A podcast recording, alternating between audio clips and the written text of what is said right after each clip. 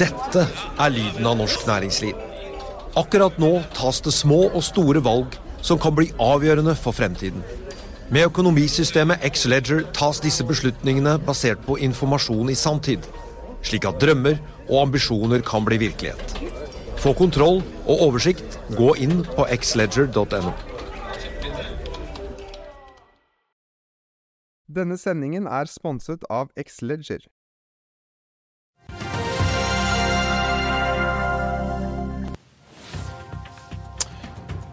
Emisjoner, emisjoner og emisjoner. Det blir det mer om i dag. og Nordic Mining er ute med sin. De har kuttet prisen kraftig, og nå er det kanskje da ikke bare miljøvernere som anklager dem for eh, dumping. Vi skal også snakke mer med dagens gjest, som mener de mørkeste skyene har lettet. Og så venter vi selvfølgelig på boligpristallene. Det er fredag 3. mars. Velkommen til Børsmorgen.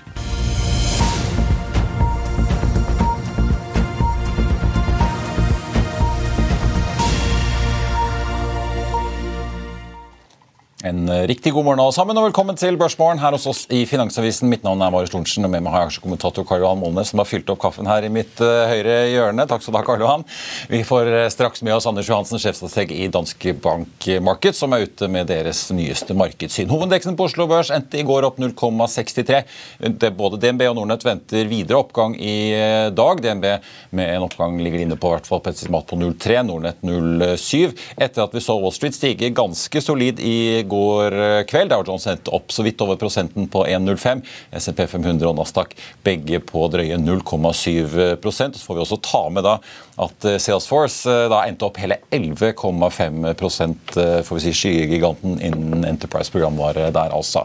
I Asia endte Nikkei-indeksen i Tokyo opp hele 1,6 i dag, og stemningen i Hongkong og Kina ser også ut til å være relativt god, og at man har latt seg da inspirere av oppgangen i USA, som da skjer til tross for at vi har sett en økning i eh, rentene den siste tiden eh, ganske så høyt opp, med en tiåring som ligger da over 4% for første gang siden november.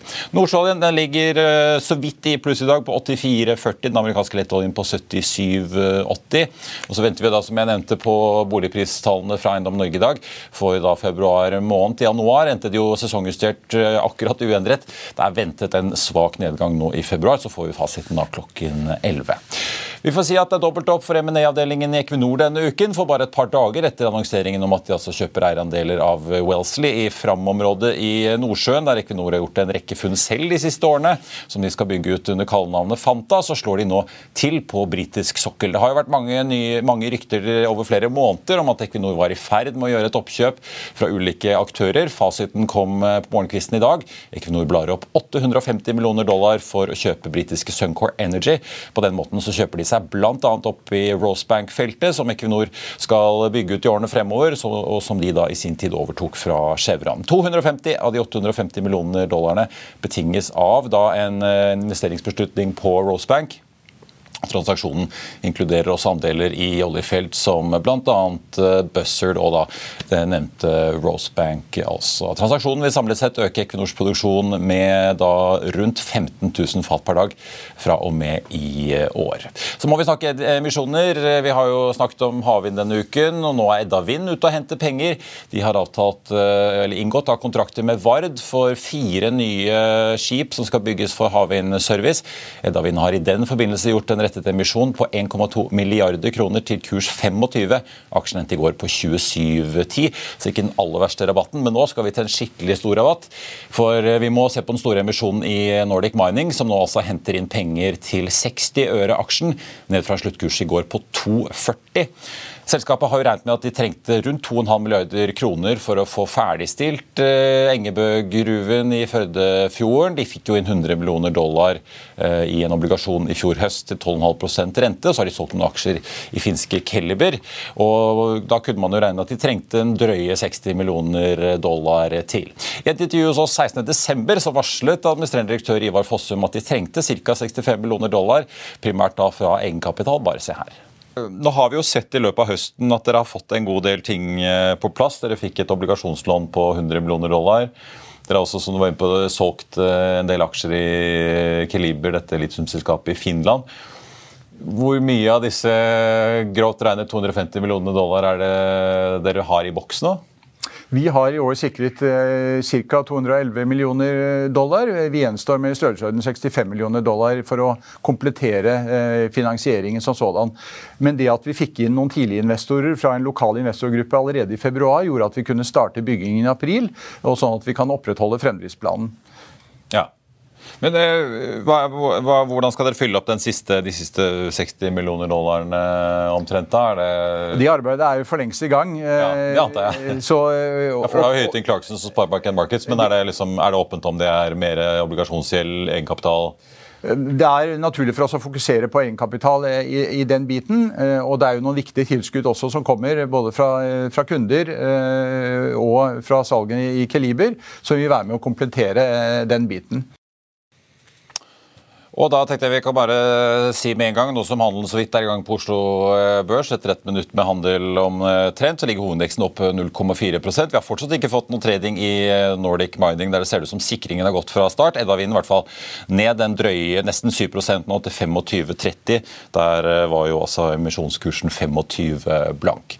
I Nordic Mining-emisjonen så er bl.a. Arne Blystad, Tor Svelland og Thomas Østerbø de som deltok i den rettede emisjonen.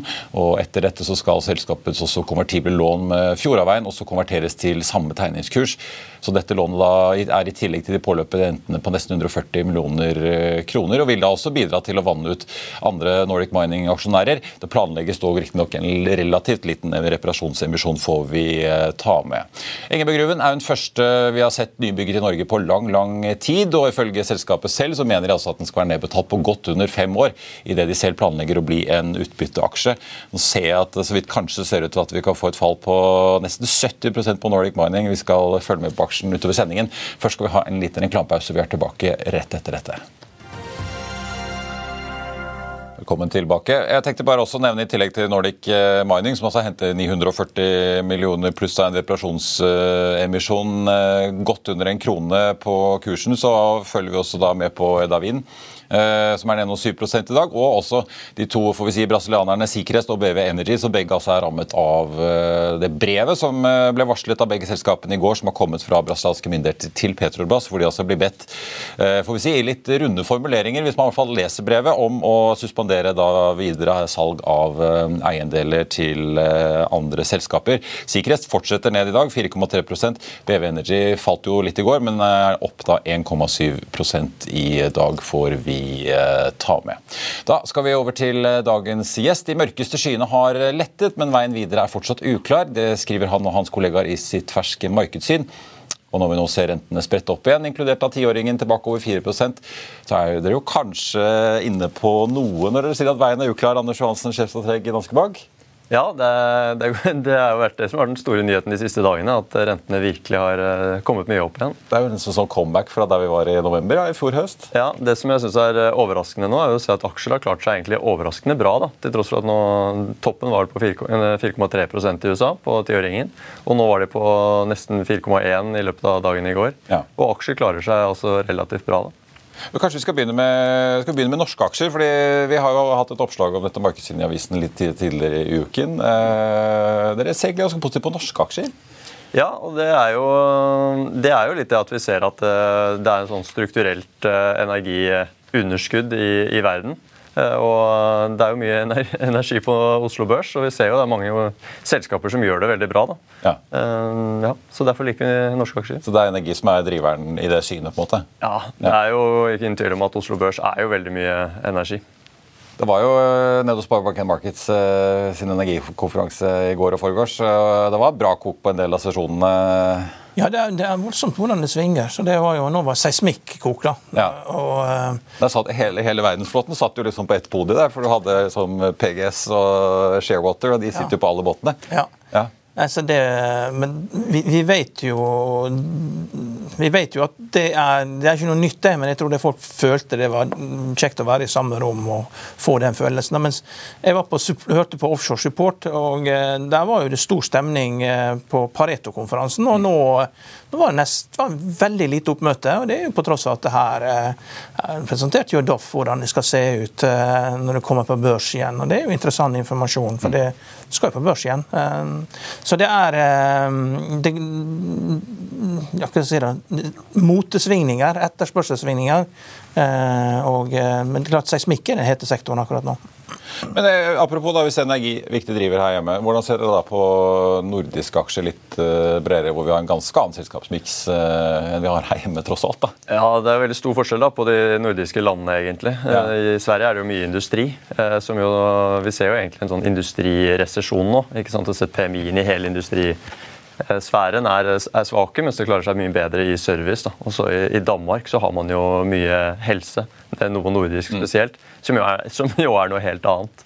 Eh, så nei, der er det store forskjeller. Um, vi, vi, er jo, altså Industrien har klart, seg, eh, har klart seg dårlig på en måte sånn eller Utsiktene er mye dårligere, men nå ser vi også tegn til at ting er i ferd med å snu litt opp igjen. og En av grunnene til at vi nå er mindre negative enn vi var før, da, mm. det er jo det at vi ser at uh, disse PMI-ene har uh, for servicesiden har de klart seg ganske bra. og for, på, på, industri da, eller manufacturing så har de egentlig bundet ut og kommet litt opp igjen.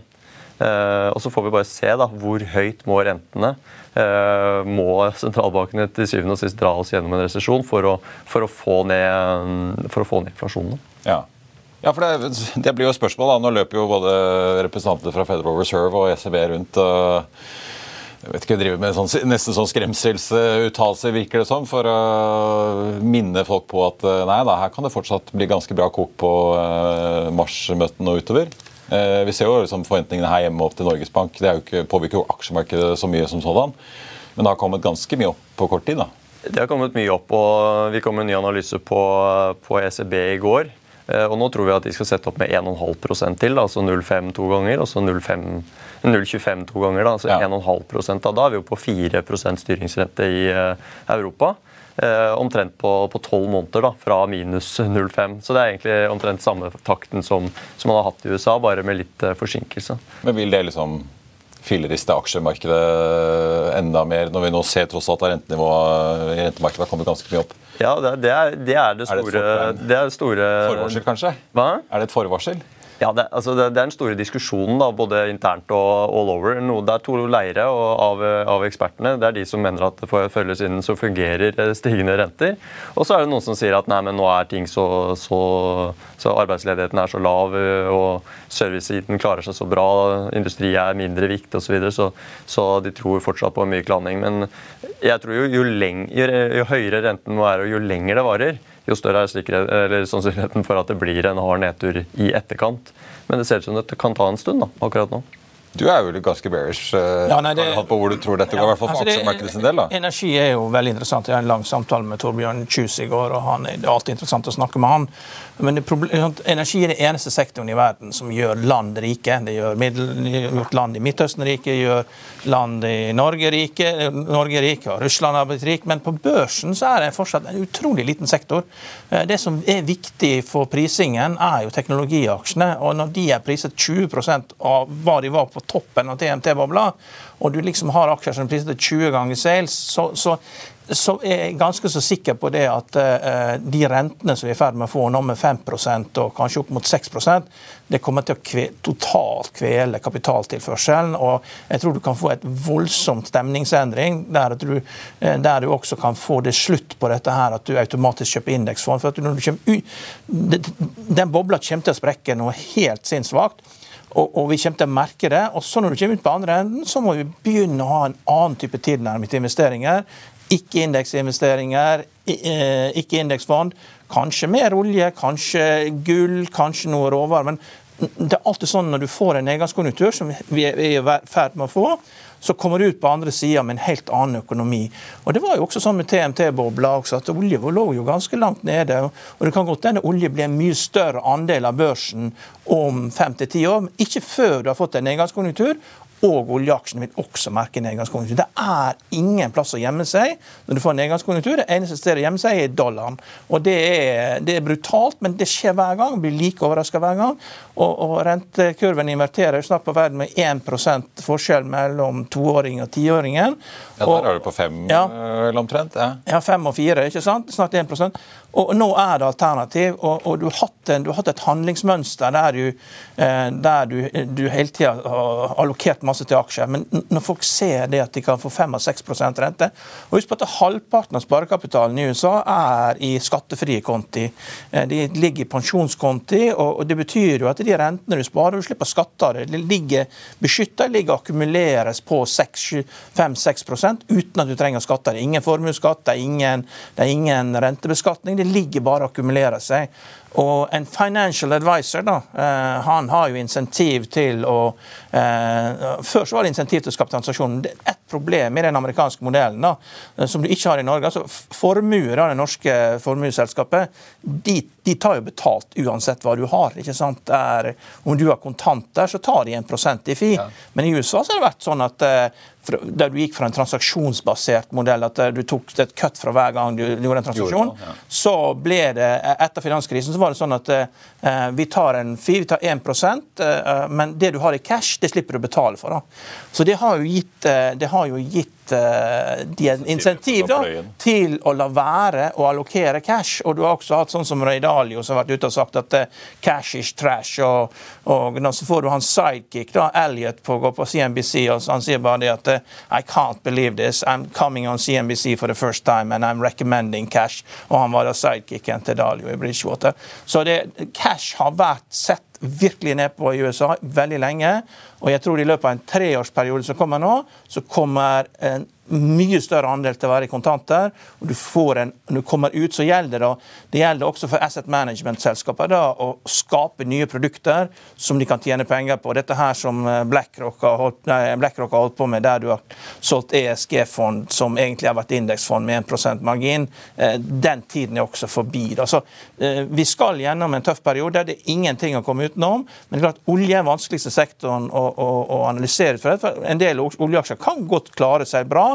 Men, men, eh, det viser seg gang på gang at konjunkturen er mye sterkere, og du, du får nedgang også for olje, oljeaksjer. Du får jo en helt vanvittig inntjening på en del av disse oljeaksjene. Ja, ja. Direkteavkastninga, da? Ja, og jeg er ikke uenig med det, det Karl Johan sier. og Derfor så vi, liker vi også eller vi er nøytrale på amerikanske aksjer, og, og, sånn sett liker norske aksjer bedre. og Jeg tror eh, nedturen kommer eh, kanskje uansett, men vi ser at det, på en måte, oljemarkedet er mye tightere enn det det har vært på, på aldri så lang tid. I tillegg så er det noe geopolitisk der er usikkerhet rundt uh, hva gjør eh, Putin fremover. og snart De eneste våpnene han har igjen, det er jo olje og gass. Kanskje type, det, er litt sånn uh, halerisk, men, men, at han gjør noe mot norske installasjoner eller den type ting. Da. Klart Det vil jo få, få effekter og en risikopremie tilbake i oljesiden. Så vi smitter over i høyere inflasjon, kanskje høyere renter. Og hvilken sektor gjør det antageligvis best av? Det vil jeg tro er, eh, er olje og gass. Og så ja. I forhold til det dere sa på innenfor oljesiden, da, så Nå har det jo vært sånn at oljeselskapene tjener mest penger uh, en periode. Det har ikke gått inn i oljeservice. Og så Hvilken side er det som gjør det best først i oljeservice? Service? Jo, det er seismikkselskapene, for det er der letingen begynner. Og så går det videre etter hvert. ikke sant? Og Nå ser du nå øker investeringene. og Vi ser det begynner å smitte over på mange av de andre oljeserviceselskapene som kommer senere i sykelen. Så, altså, øh, apropos da, inflasjonen som ser ut. Nå har det kommet litt ned pga. at energiprisen har kommet litt ned fra de høyeste nivåene vi så i fjor. Du har jo gassprisen du sa spesielt lav pga. at den er litt sånn innelåst. Den har også kommet ned i Europa. Mm. Eh, men hvis man skal tenke inflasjonsbeskyttelse litt, da. Mm. Hvis du nå, ok, Vi er ned fra de nivåene på 9-10% inflasjon, men det kanskje blir liggende som vi kanskje kan se i USA, at det blir liggende på 4-5-6% lenger enn man hadde håpet på, mm. kanskje. Hvordan bør man posisjonere seg da, egentlig? Nei, det Er det bare oljeaksjen som er håpet? Nei, altså, Det kommer litt an på hvor lang tid det tar. da, Fordi, fordi, eh, ja, Rentepapirene jo, oppleves jo trygge, men det er klart det er inflasjonen 5-6 så er jo ikke renter på, på 5 eh, Det er ikke noe hyggelig, det heller. Du taper jo real eller kjøpekraft på det også. Eh, en del sektorer jo, har jo høy utbytte, som du sa. I tillegg til at de, hvis dette varer lenge, så klarer jo de over, over tid å øke prisene sine. Ikke nødvendigvis første runde, men hvis det er en lang inflasjonssykkel, så klarer jo det. Så da vil det jo sånn sett også være bedre å ligge der enn å ligge i type obligasjoner. Det er også en grunn til at vi liksom ser nå at dette spiller seg ut ikke som et sånn krisescenario i fjor høst.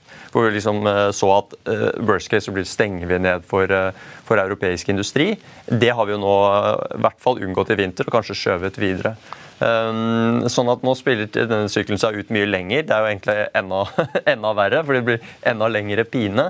Men da ser du at selskapene fortsetter å generere en del penger i mellomtiden. ikke sant? Earningssesongen i fjor, eller for fjerde kvartal, den var jo tross alt ikke så gæren. Mm. Selskapene, Europeiske selskaper tjener fortsatt mer penger enn de gjorde et år før. Så er det selvfølgelig noen sektorforskjeller osv.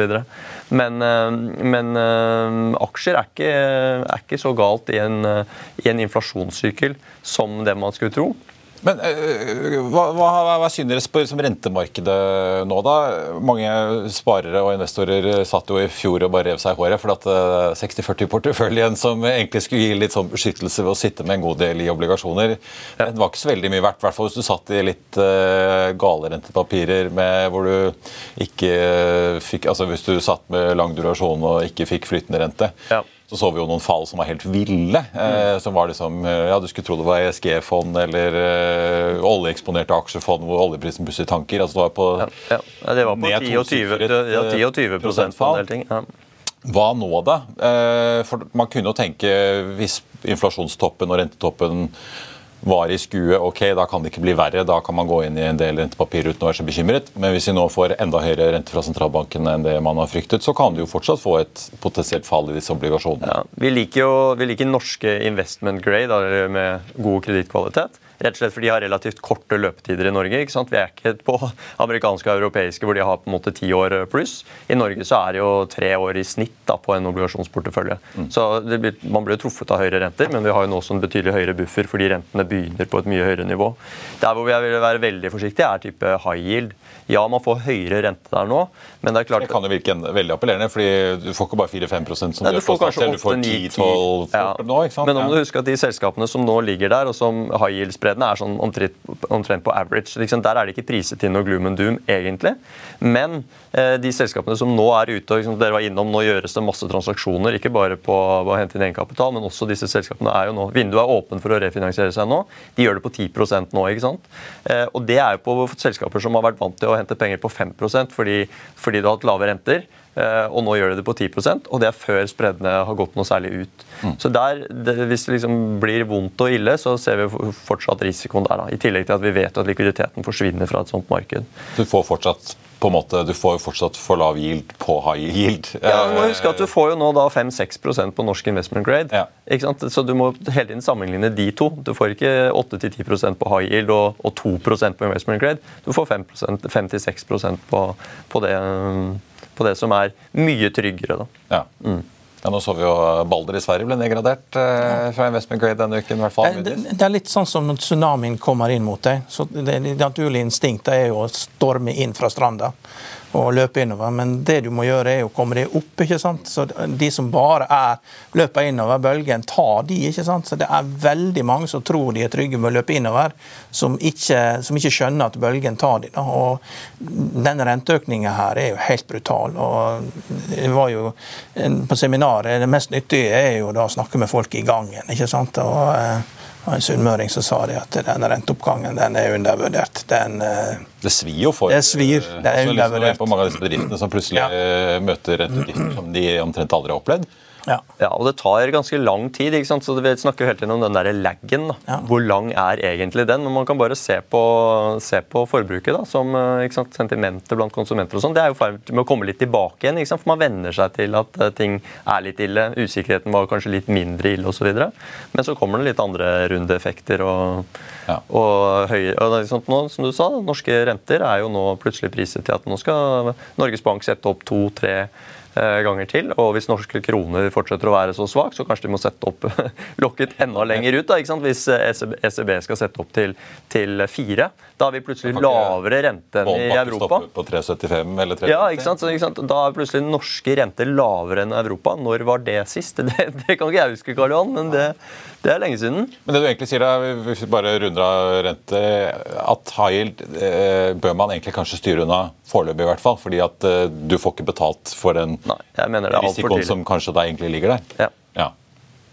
ja. Skal vi runde der? Og så fortsatt relativt greit med norske aksjer, gitt at du da får den energieksponeringen, da. Enig. Ja. Anders Johansen, sjefstrateg i Danske Bank, takk for at du kom, og god helg. Takk det samme. Vi er straks tilbake rett etter dette.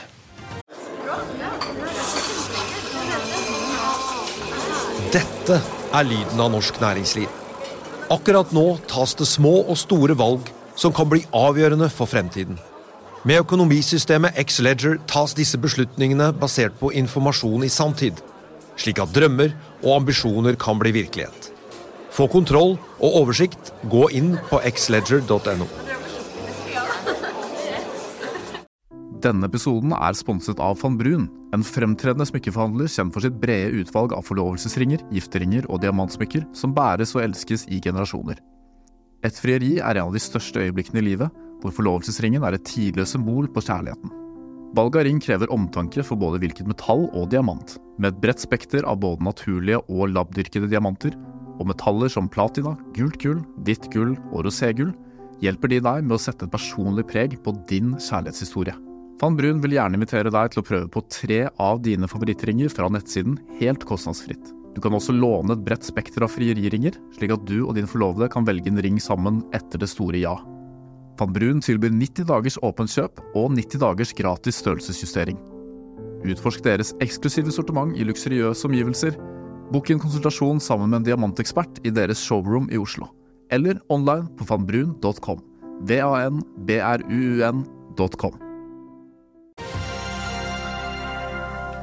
Velkommen tilbake. En kjapp titt på aksjene som altså preger nyhetsbildet. Eidsvik Offshore også ute og henter penger. Jeg glemte å nevne de i introduksjonen, men de skal ikke bli glemt, de heller. Henter altså 130 millioner kroner i en rettet emisjon til 12 kroner aksjen. Den aksjen skal nå ja, der ser, Jo, der ser vi riktig, ja. Den er rett 6% til 14,46 og ligger fortsatt da 2,5 kroner over emisjonskurs.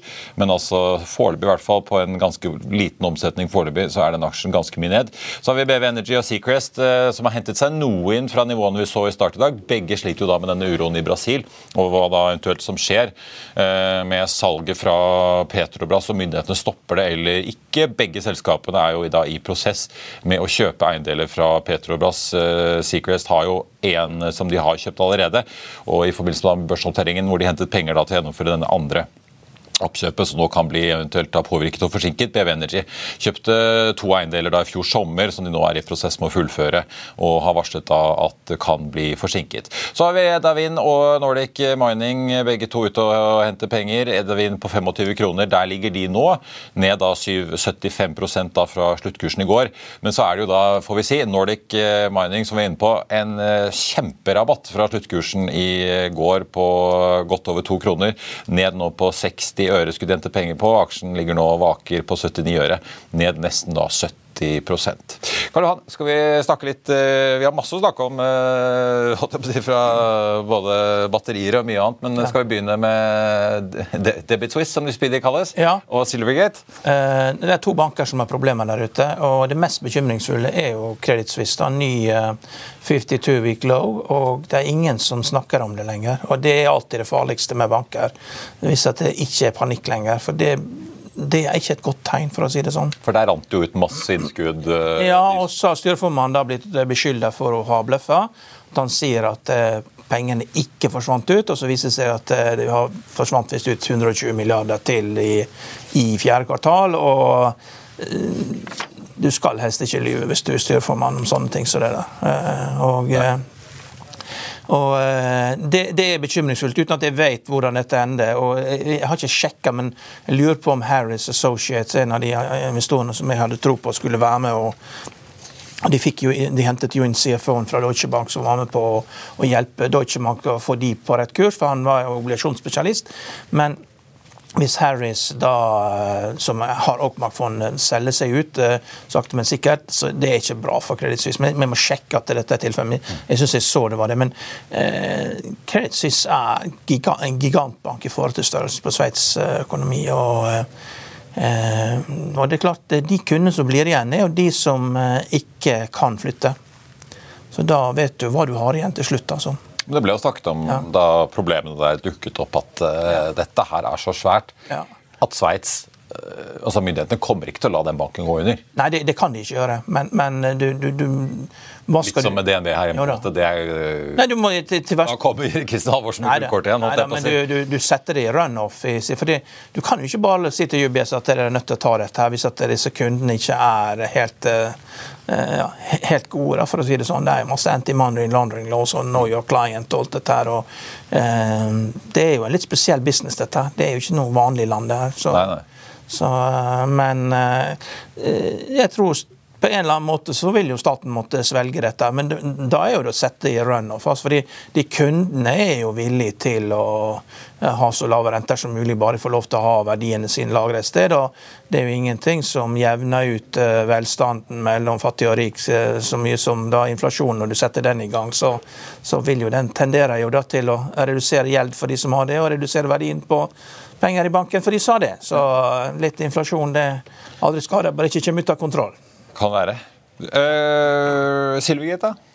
Silvergate det er jo en kryptobank. Det har jo vært eh, kryptoindustriens måte å få penger, eh, få krypto, inn i, eh, i den amerikanske økonomien. Og blitt en altfor stor bank. og eh, eh, Normalt sett i USA så er det sånn at hvis du du er jo medlem i Federal Deposit Insurance Scheme, og de sitter og passer på. det. Med en gang du mister 10% av innskuddene dine, så blir du stengt ned. Ja, altså. banker på døren fort. Ja, ja, det er det med en gang. Og det var stenge ned. sine, altså. Men dette hadde jo Silvergate sett, da. Så de, de skjønte, skjønte jo dette. her, så De hadde jo en gigantisk eh, obligasjonsportefølje da, som de solgte og tok eh, gevinst på. Så de tetta hullet der. I tillegg så fikk de hjelp. da, og De fikk 4 milliarder dollar i lån av en sånn boligbank i Cal- California. Da er det liksom sånn OK, USA ser at dette her er i ferd med å gå i veggen, eh, men eh, kan ikke stenge bula klokken 11 om kvelden, for her kommer det masse kriminelle som skal inn og ha party resten av kvelden. Så vi må få registrert alle her før at vi stenger døra. liksom. Er,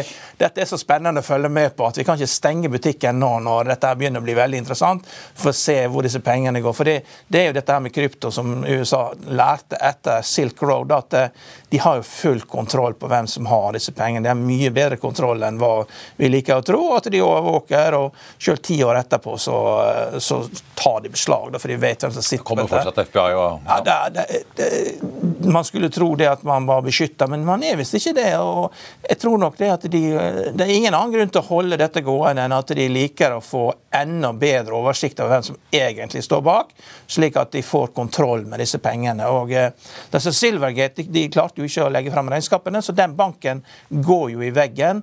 Eh, og aksjene blir null verdt. Vi har skrevet to kommentarer om dette her tidligere. så Den som er abonnent og betaler 10 000 kroner i året Hvis du, du driver og spekulerer Så ikke, men du kan, du Ja. gå inn i arkivet og søke, da. Ja, Ja. arkivet og søke, men det er klart det, det er, eh, hvis du har drevet og spekulert i disse aksjene og ikke har lest våre kommentarer, så har du det sjøl å skylde. Altså. Ja. Det er nå du skal si at uh, Ja. Men FATV-podkasten koster ingenting. Så Nei, jeg- egentlig så er ikke abonnementet på avisen så dyr. Nei da, det kan du si. Du får også dette. Ja. Uh, vi, vi må runde av litt med batterier. at Vi var på energikonferansen, eh, og jeg var også innom hos Pareto på deres store kraft- og fornybarkonferanse da på tirsdag. Så det har vært en ordentlig sånn energibonanza denne uken. Uh, og vi fikk kvartalsrapporten fra Freyr hvor det sto en ganske interessant formulering som mange har fått med seg nå, at utbyggingen av Giga Arctic i Mo Rana fortsetter at a measured pace. Ja. Altså en avmålt eh, fart da i påvente av hva europeiske og norske myndigheter kommer med av svar på Inflation Reduction Act i USA, og at det er eh, at man bare jakter alle muligheter for å trappe opp utviklingen på den tomten de har fått seg nede i Georgia, freier, Eh, og de har ikke lagt skjul på hvor mange milliarder som de mener er i spill i subsidier i USA her. Ja. eh, Batterier er, det er jo en sekt, det er, batterier er jo teknologi, det, og det, det, det ser jo de, alle aktørene som er her, at det, det er jo viktig å ha riktig teknologi. Men samtidig da, så, så er det sånn at eh, Tesla bruker Panasonic-batterier, laget i et japansk selskap. eh, og det er godt nok for Tesla. Og, og Så kan det hende at det, kommer nye teknologier her, men eh, det som er godt nok for Tesla, det er godt nok for alle andre. Så, og, og da blir stordriftsfordeler veldig viktig. Og det, det er, vi har prøvd å holde oss litt under batteriet, for det har bare vært politikk eh, inntil nå. Men nå begynner ting å kon konkretisere. så eh, Northvolt er det eneste jeg har sett på batteriselskapene som har hatt noenlunde fornuft. fordi at det, eh, De har kommet relativt langt, de hadde kunder, de leverer til svenske og tyske bilprodusenter. Volkswagen. Ja, det er, sånn- det, det er, det all makes sense. Men nå hører vi liksom at eh, de syns de er for små. Og, og, de, og, når de begynner å skjønne at de er for små, så betyr jo det at det er enorme stordriftsfordeler man må ha for å lykkes i dette her. Det blir ikke som silisium og sol, der at Kina kan dominere. for det, det, det er, Sol er vanskelig, men det, det, er ikke så teknologisk krevende. Her er det klart batteriet er mye mer teknologi, det er mye mer teknologiutvikling som skal skje. Så, så her kan det komme nye teknologier, og selskaper kan lykkes. Men uansett da, så må jo du gjøre dette her med enorm skala. Eh, og, og, Da er det alltid litt lurt å reise ned og se på hva du skal konkurrere mot. Hva er skala? og, og, og det er jo tydelig også Kinesiske bilprodusenter bruker jo de da batteriene som blir laga av verdens største bilprodusent, eh, batteriprodusent, eh, Cattle, til å avansere produksjonen. og til og med Charlie Munger, som man må si er helt amerikansk, sier at BYD, altså må, eh, som de var investert i, det er mye mye større og kommet lenger enn Tesla. og Det er jo en mann som alltid sier ting sånn som det er. Eh, så det at Da bruker jo Kina altså Kina de har god nok teknologi, de sikrer seg litium, gir de leverage til eh, å komme inn i bilindustrien. Og det skaper jo problemer da for bilindustrien i Vesten. At Tesla er egentlig ikke store konkurrenter. Tesla har ikke store volumer. Kinesiske bilprodusenter eh, har store volumer, kommer med egne batterier. Og Hvis du da skal konkurrere med dette, her, så er ikke det fair at det er norske privatinvestorer eller norske stat som skal holde på å konkurrere. For vi, Størrelsen er så stor at eh, vi klarer ikke å konkurrere uansett. For blir, Uansett om du har beste teknologien, så er det stordriftsfordeler som vinner her. Det er, dette er stordriftsfordeler som gamer, altså. Også interessant å for så vidt uh, merke seg. Teknologidirektøren i Morrow satt jo da på konferansen her i forgårs. La ikke skjul på hvor krevende det er å faktisk bygge opp en stor batteriproduksjon. Mange folk du må ha, hele, og hvordan Cattle i Kina er gjennomsubsidiert. Nå sa han, nå ser vi det samme skje i USA. Og så har vi da, som vi har lest i våre spalter, vår kollega Sigurd Svens skrevet om, ikke sant? så har du Freyr-sjefen som sier han tror det blir masse batterikonkurser i Europa. Ja. Morrow-sjefen Lars Christian Bakker, som jo har lang fartstid i Equinor og vet hvordan det er å bygge store industriprosjekter, sier at det er jammen ikke sikkert alle disse prosjektene i USA blir noe av. Så... Men det har ikke alltid vært sånn at du drømmer om å være underleverandør til en uh, bilprodusent. Det er, liksom, det er, for det er, så, det er sånn gigantisk industri, de har så enormt behov for så mange mulige uh, komponenter. og Kongsberg Automotive har, de har gjort en fantastisk altså Olav Voldal, jobben han gjorde for å liksom holde Kongsberg Automotive i gang. Fantastisk arbeid, men likevel vanskelig å tjene penger. og så Når, det til stykker, altså, når jeg reiser og besøker en tyske så sier han det at, til deg at Se ut gjennom vinduet her. Alt jeg trenger av reservedeler, det får jeg, alt jeg trenger av deler, får jeg kjøpt 20 minutter eh, kjøring her fra kontoret. Mm. Så hva er det du kan konkurrere med som gjør at jeg skal velge deg som en annen leverandør? Altså, det, må, det var jo pris, ikke sant? Og hvis du da skal lykkes med de beste batteriene, så skal du da konkurrere på pris. Altså, dette her er eh, altfor eh, kapitalkrevende og altfor vanskelig til at eh, det er så lett å gjøre ting eh, fra Norge. Så jeg har all respekt for at folk prøver, og det er kjempekult at man prøver, men man må skjønne hva man holder på med, hva slags industri man er i. Og at dette her er ikke en lek, altså en gigantindustri. Noen visdomsord på tampen av uken. Jeg tenkte Takk skal du ha, Karl Johan, og god helg når den tid kommer. Får vi se hvordan det går. Jeg tenkte å runde av. Det er ganske store utslag eh, på de, mange av de selskapene vi har snakket om i dag. Edavin, som også hentet penger på en 25 eh, kroner, eh, ligger der nå, ned da 7,75. Nordic Mining, den store taperen i dag, uten tvil. Etter da endt på 2,40 i går, henter de altså penger på 60 øre. Nå ligger den på drøye 80 øre, ned da 65% etter da nyheten om at de henter en snau milliard. Som vi så tidligere i sendingen, så har jo emisjonen vært varslet, men det var nok kanskje ikke ventet at prislappen skulle bli så mye lavere enn sluttkursen. Eh, og så har vi jo da i tillegg Eidsvik Offshore, som også har hentet penger da på 12 kroner. Der er det, ikke, det er noen få transaksjoner. Eh, aksjen ligger ned en drøye 6 eh, Og så har vi jo da Jeg tenkte også bare nevne Subsea 7 og Seaway 7, begge opp litt, 0,1 0,3 i dag, etter ganske store utslag da i går, da nyheten kom om Subsea 7 ville kjøpe hele Seaway 7 tilbake igjen og ta det av børs. Da falt jo Seaway 7 nesten 13% mens vi så Subsea 7 også stige nesten 6 De kom jo begge da som med kvartalstall. Subsea 7 overrasket positivt der. Så har vi Seacrest Petroleo og BV Energy. BV Energy ned et par prosent. Seacrest nå opp 1,3 etter nyheten om eh, at transaksjonene deres i Brasil kan bli utsatt etter grep fra myndighetene. I går falt jo Seacrest av 15,3 Dagen før der er en 7,5 på nyheten om eksportavgift fra Brasil som eh, myndighetene skal innføre i noen uh, måneder. Så får vi også ta med da Subsea 7. Uh, kanskje ikke helt overraskende at de tikker litt oppover i uh, dag. For det har kommet flere analytikerendringer der nå. Morningstar tar sin anbefaling ned fra kjøp til hold. Oppjusterer samtidig kursmålet fra 136 til 153. ABG tar og løfter fra 160 til 170. Beholder kjøp. Og den endte jo da i går på 1.43,40. Og Så har vi også Aksjelutions, der BNB Paribas jekker opp kursmålet fra 40 til 48. Gjentar holdanbefalingen. Den endte i går på 44,20. Og så tenkte jeg også bare for å nevne da at uh, krangelen mellom Norwegian og norske myndigheter den uh, fortsetter. Uh, Norwegian har jo da blitt varslet av norske myndigheter at en suspensjon av betalingen for da disse klimaforpliktelsene fra 2020, da selskapet var under konkursbehandling i irsk, irsk og norsk rett, får vi si, da ikke vil bli til tross for et rettslig søksmål. Norwegian har da gått til sak for å slippe å betale disse 400 millionene, men nå har de altså i hvert fall betalt pengene, selv om de fortsatt da krangler om kravet i retten med norske myndigheter. Miljødirektoratet ser jo ut til å stå på sitt. Det var børsmålen for denne fredag 3. mars. Vi har med oss Trygve Hegnar og Økonominyhetene klokken 13.30. Få med deg det. Og så er vi selvfølgelig da tilbake igjen på mandag morgen 08.55 her i Børsmorgen. Siste nytt det får du som alltid på FA.no gjennom hele dagen, inkludert nyhetene eller mer om da emisjonen i Nordic Mining Mining. Ha en riktig god helg når den tid kommer, alle sammen. Og så ses vi igjen på mandag. Takk for nå.